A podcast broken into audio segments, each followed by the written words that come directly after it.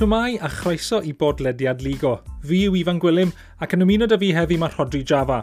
Wythnos ma, mae Ligo yn cyflwyno cyfweliad gyda Nick Davies a Jordan Griffiths. Mae'r ddau yma wedi dechrau cilchgrawn y Welsh Soccerite sy'n dathlu peldrod yng Nghymru. Oedd e'n braf iawn sgwrsio gyda nhw am sut mae cariad nhw tuag at peldroed wedi datblygu dros y blynyddoedd, y crysau peldrod maen nhw wedi prynu dros y blynyddoedd, a ni'n pedwar yn atgoffa'n gilydd pam bod peldrod Cymru yn gret. Pleser croesawu Nick Davis a Jordan Griffiths o Gylchgrawn Welsh Soccerite i rifin yma'r pod. Uh, Welsh Soccerite yn Gylchgrawn nath lawnsio mis Ebrill 2019 a nawr maen nhw ar fi'n cyhoeddi i pedwerydd rhifau nhw. Um, na fynd yn syth ato, ato chi, boes. Um, Sio byddwch chi'n disgrifio'r Cylchgrawn? Uh, na ddechrau gyda Nick. Oh, gwahanol. Allan gwahanol.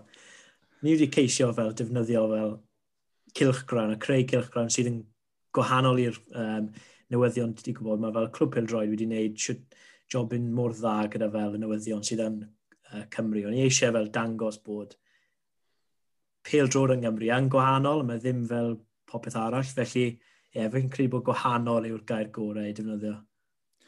Um, be sydd gyda ni i ddisgwyl yn, yn yr rhifau nesaf, Jordan? Uh, so mae so ma lot o straeon greit, fel arfer. Um, mae cyfweliad gyda Rob Edwards, uh, chairman newydd o Hwlffordd. Um, mae tymor bach o redesigns o um, badges uh, Clwbiau Cymru. A mae ma cover story yw am y Welsh Premier Women's League a'r uh, restructure sy'n sy digwydd gyda, gyda hwnna ar y foment. Oh, gwych, dech, gwych. Um, nôl i mis Ebrill 2019, yn, uh, chi lawnsio yn y Tiny Rebel, Urban, neu Urban Tapas oedd ar y pryd falle, um, Dylebs yn holi panel. Um, o'n i na, yn cuddio yn y bac. Um, o'n a lot o bositifrwydd uh, am bildrod Cymreig uh, yn ystafell uh, y diwrnod yna. Siwr ymateb chi wedi cael i'r cilchgrawn o Siamon ado i'r positivity rownd uh, pildrod Cymreig? Ie, yeah, naeth mynd e yn rili really dda. O'n i'n tyma bach yn sioct achos wnaeth e just you know, dechrau fel just project ar, y, ar yr ochr oedd e, just wneud rhywbeth yn y blwyddyn olaf yn, yn y prifysgol. Yn y ddau o'n i'n really offi Bill Road yng Nghymru, felly oedd e'n just chance i wneud rhywbeth gwahanol. Ond uh, yeah, mae, mae wedi mynd yn really dda. O'n i tyma bach yn sioct gyda edition 1 achos o'n i, yn y ddau o'n i, tyma bach uh, nervous o'n i'n credu cyn y launchiad na achos ni ddim yn gwybod os y pobl yn mynd i troi lan. so ni'n tymlo bach yn nerfus bod yn embarrassing bod neb na, ni jyst yn lawnsio magazine o neb eisiau brynu.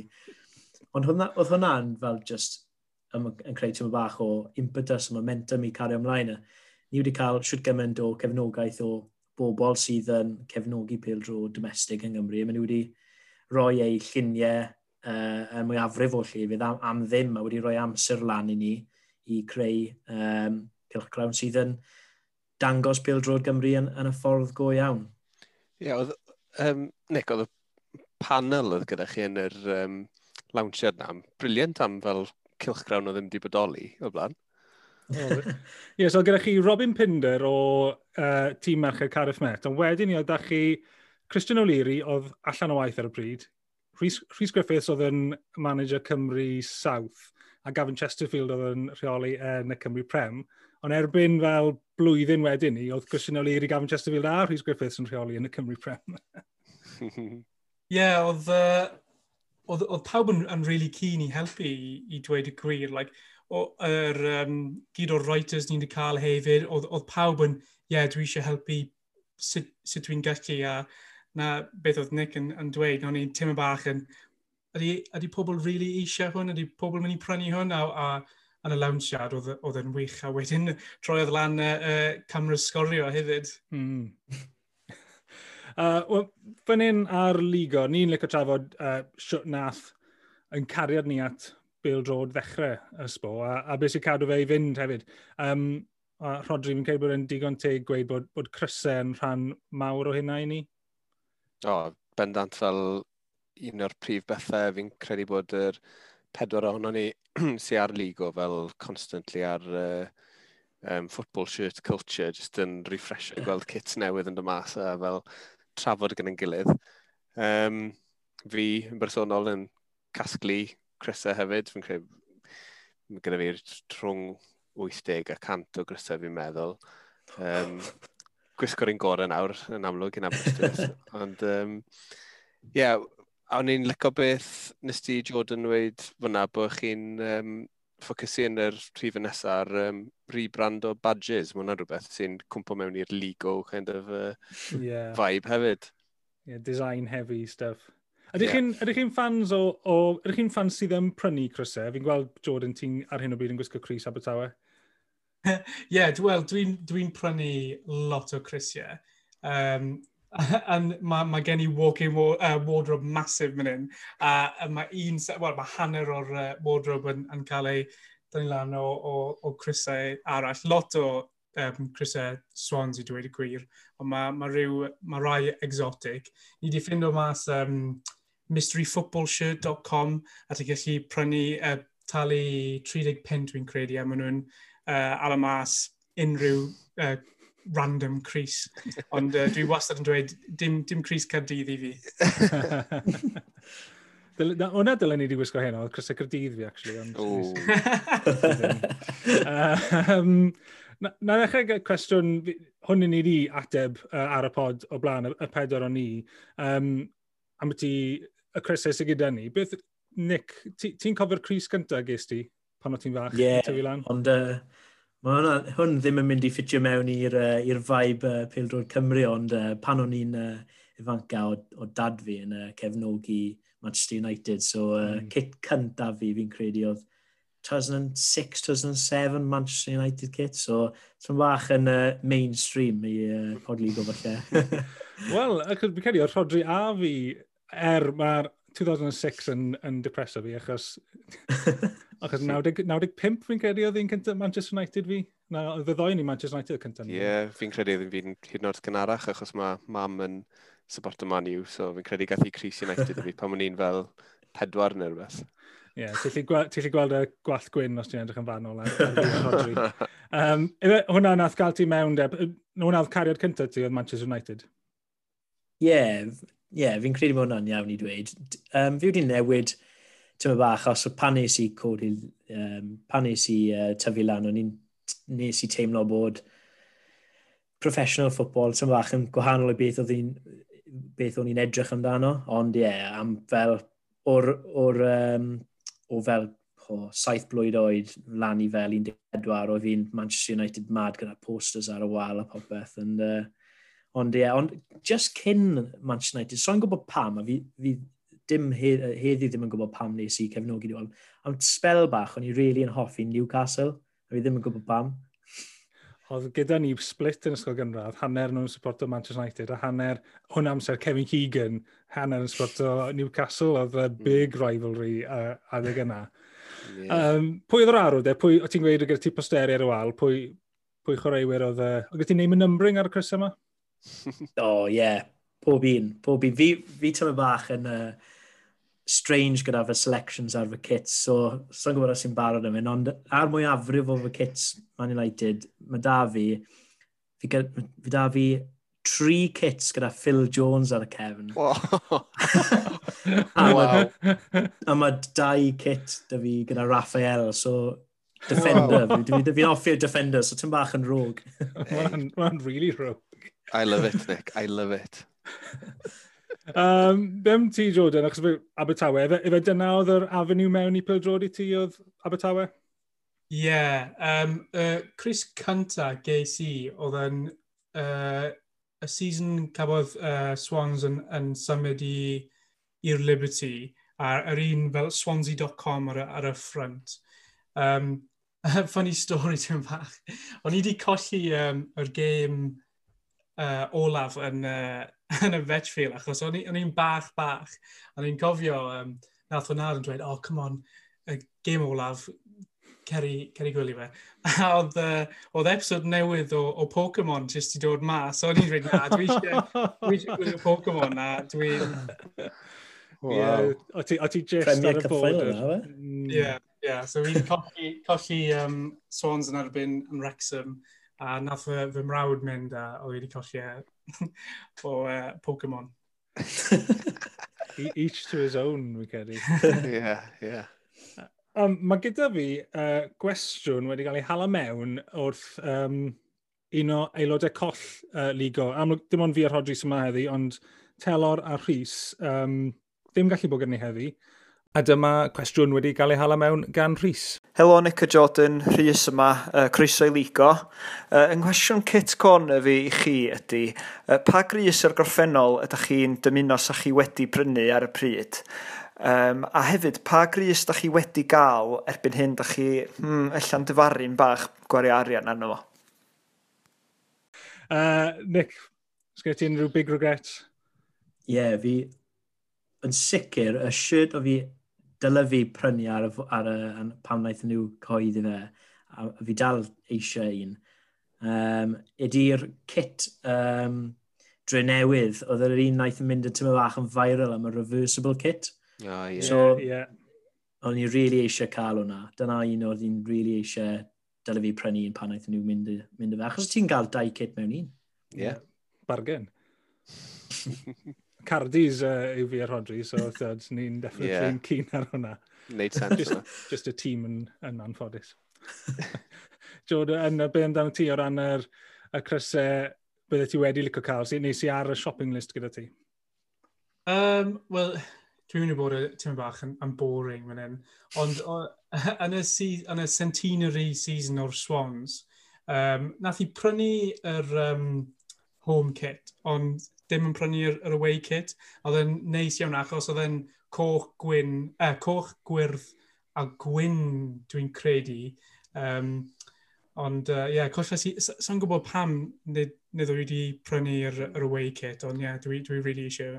Hwna oedd yr home gyda'r air fe, oedd yr yes, yeah, air. Ie. Yeah.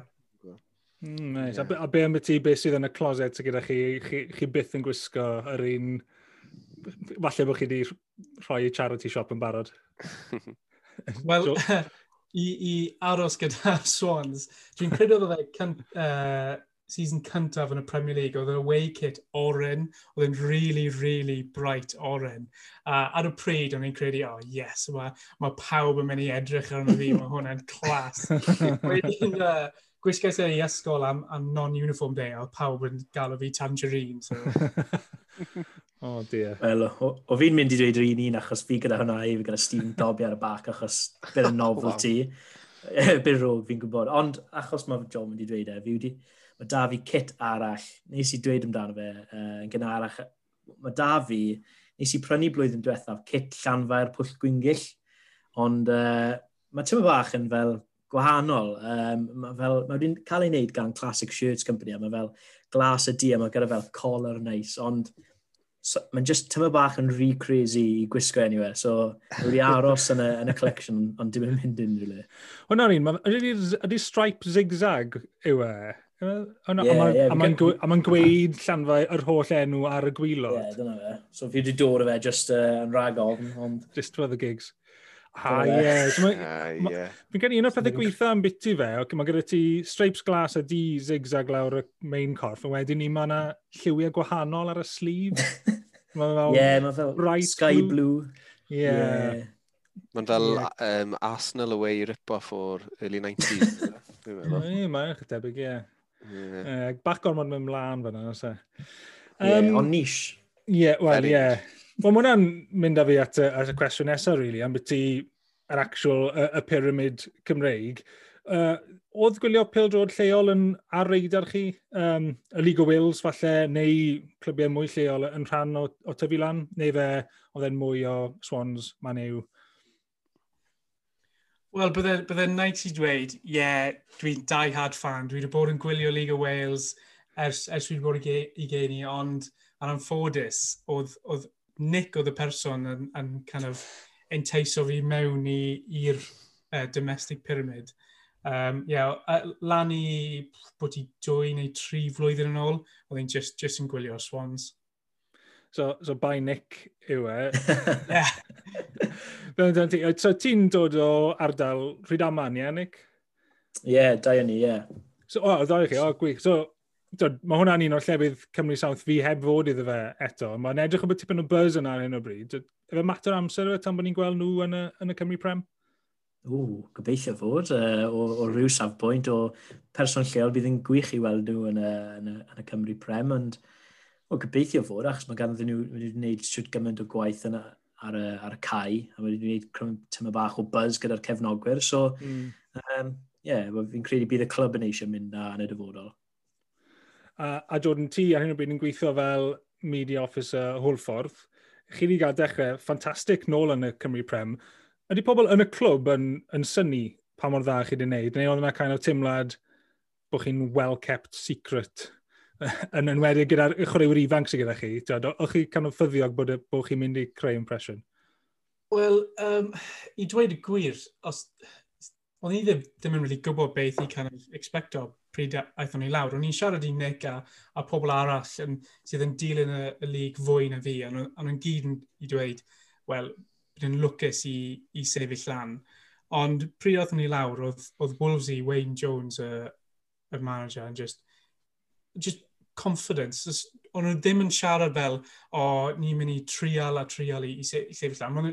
Ni'n mynd i sefyll lan. A wedyn, um, yeah, ni, ni wedi cael uh, season hyfryd, a mae ma lot o chwaraewr fel um, Danny Williams, uh, Ben Fawcett a Jack Wilson mae neb yn gwybod amdano nhw. Wel, mae Danny Williams yn dod o Cardydd, mae, mae pobl yn gwybod amdano fe, ond Jack Wilson a, a Ben Fawcett yn kind of unknown entities yn, yn mynd mewn i'r lig. A ni wedi bod yn clas yn, yn gweud, wel, heblaw am uh, cwbl o, cwpl o gemau, uh, ni wedi bod yn, bod yn wych.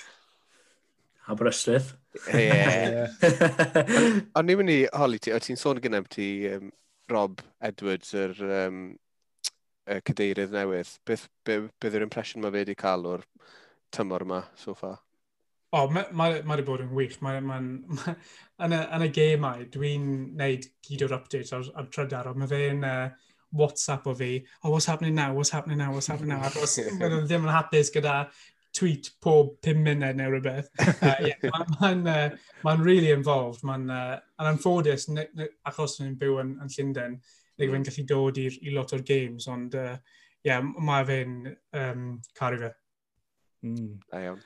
Uh, un peth fi'n licio am byti, wel, mwy nag un peth, ond uh, yeah, un o'r pethau fi'n licio am byti uh, Welsh Soccer Rights yw, ar gefn pob rhifin mae gyda chi a tagline reminding you why Welsh football is great. A ni'n meddwl falle gofyn i chi beth chi'n meddwl sy'n neud Pil Drod Cymru yn gret. A, a na ddechrau wrth daflu'r cwestiwn yma at Rodri. Ooh. Beth, beth I ti, beth sy'n neud pildrod Cymreig yn greit?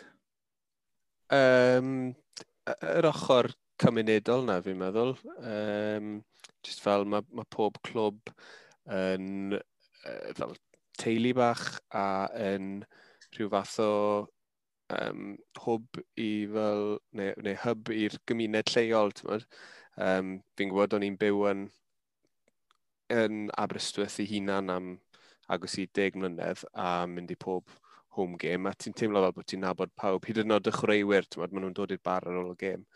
So ti'n benni lan yn, yn dod i nabod pawb, a fi'n credu bod pob clwb fel yna. A mae hwnna'n rhywbeth sydd ti ddim yn gallu cael yn yr pedwar lig ucha yn Lloegr, byddwn ni'n gweud, a'r Premiership yn yr Alban, byddwn ni'n meddwl bod e mor um, fel mae yn Cymru, te. Na beth yw ei fi. Be, be amdano a chi boes? Chi'n chi, chi amlwg wedi cael eich ysbrydoli i ddechrau Cilchgrawn uh, yn dathlu'r ffaith. Uh, Nick, beth, beth, beth, beth sy'n neud pildrod Cymraeg yn gret?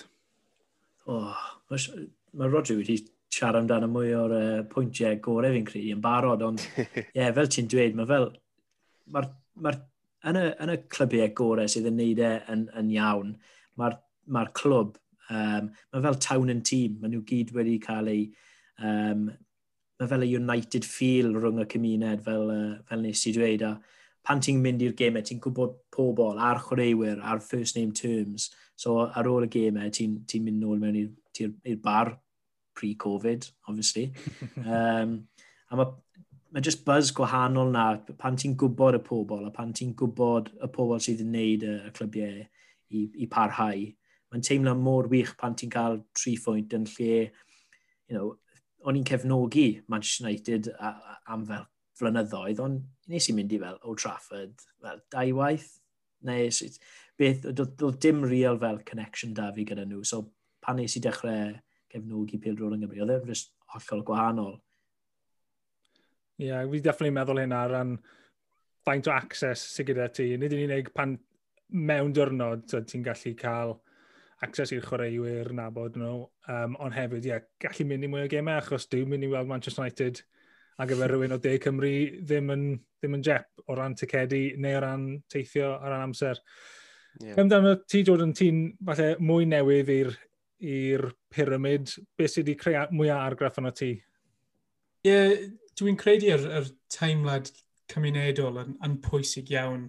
Um, o'n i'n siarad i Nick uh, cyn o'n i wedi um, wneud y dechrau'r Cilcgrawn, oedd yn dweud, pryd ti'n mynd i'r gemau dros Cymru, mae wastad pobl yn, yn dweud, o, oh, ti'n gwybod fe'r Kitman sydd wedi bod yma am 20 mlynedd, o, ti'n gwybod fe wedi gwneud hwn, a mae ma stories wild yn, yn cael ei dweud.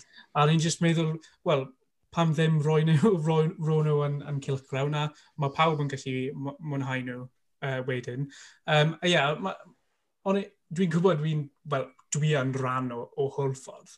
Ond beth mae'n Nick yn dweud, o'n i'n cefnogi um, yr Swans, ond dwi'n really teimlo fel rhan o hwlffordd. Mae'n ma, n, ma teimlo bach yn wahanol. Dwi'n dwi, hapus i cefnogi'r er, er Swans, ond yn y, yn y Cymru Premier, ti, ti really yn rhan o'r, or clwb.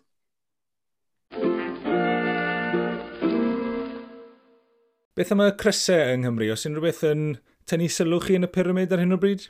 Ie, nes i meddwl tyma bach am hwn, achos mae wedi bod yn anodd, achos dim ond un cyngrair sydd, dau cyngrair, uh, sydd rili really wedi dechrau chwarae. So, ni ddim wedi gweld trwy gymaint o kits blwyddyn yma, ond o'n i'n meddwl am y kits blwyddyn yma, ni meddwl am y kits dros y flynyddoedd, a fi'n fi pob blwyddyn um, yn hoffi kitiau Cardiff Met, achos mae'n jyst yn bach yn wahanol. So mae'r kits blwyddyn yma, ni'n cofio gêm cyntaf hwylffordd oedd yn uh, Cardiff Met, a nes i mynd i'r gêm, oedd Jordan na, o'n i'n um, o'n i'n siarad amdano o'r kit oedd kit hwlffordd yn smart, o'n i'n siarad am Met. Mae'n ma tymor bach yn fel quirky training gear fel clybiau Premier League. Mae just, ma just yn gwahanol. A pob amser fi ddim yn hoffi nhw i gyd, ond maen nhw ddim yn fel, fel bespoke. So gyda nifer o clybiau eraill, mae'n ma mwy, mwy afrif o nhw um, yn edrych tymor bach yn debygol os maen nhw'n um, yn tebyg os maen nhw'n defnyddio'r un kit manufacturer. Yeah. Ond mae Met pob amser gyda rhywbeth gwahanol.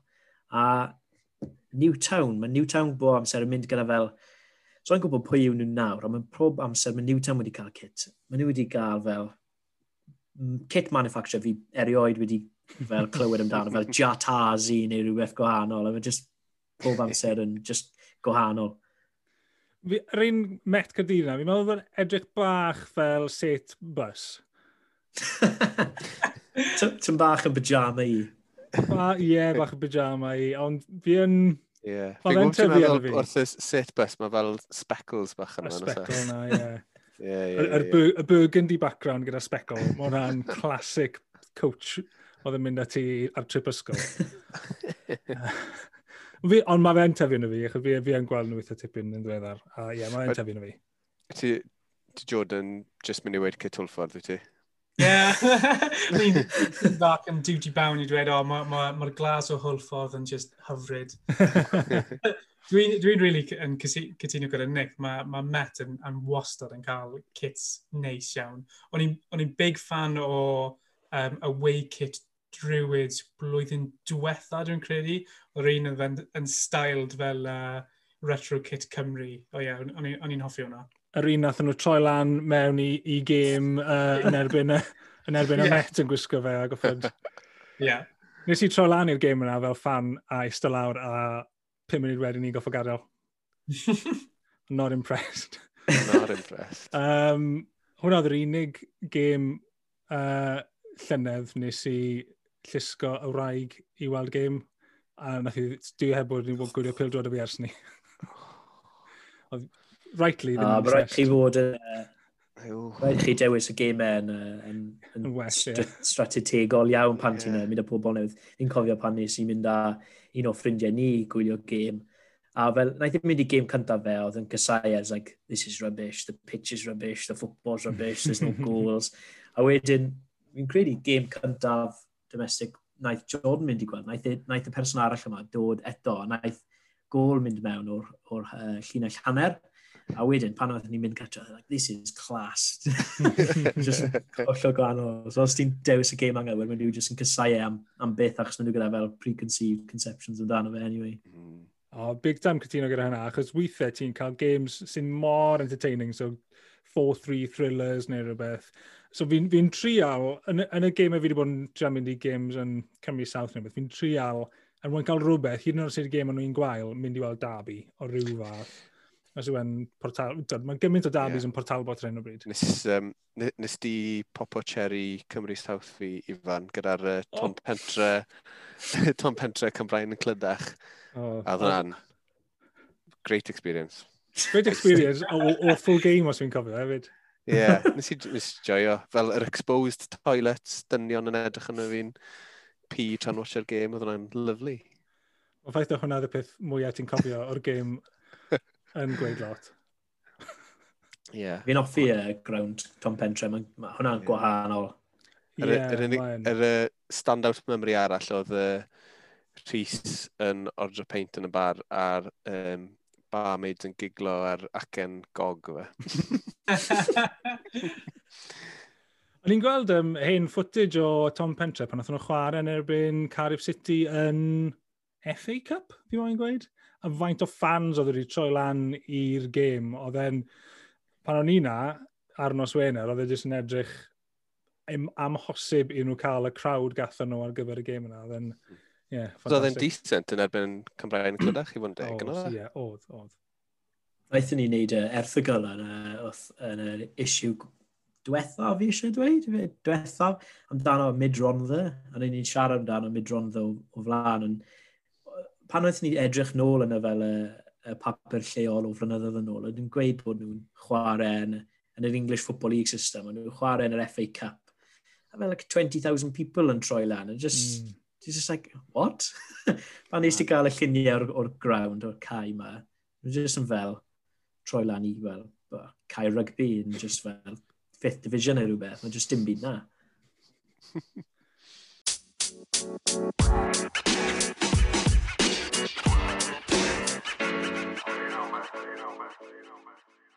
Cyfle nawr i chi i uh, pwysio uh, be, be ni'n neud, ble ni'n mynd i brynu uh, rhifin newydd uh, Welsh Rock Night. A pryd mae fe mas? O, oh, Ti eisiau ateb hwnna'n Jordan, neu fi? Ie, yeah, bydda'n fe. Um, Ti'n gallu prynu Welsh Soccer Rights ar website ni, welshsoccerrights.co.uk. Mae pre-orders um, am issue 4 mas nawr, a by ni'n alw nhw mas am y 15 o fawrth, dwi'n credu. Good. Ewch arno nawr.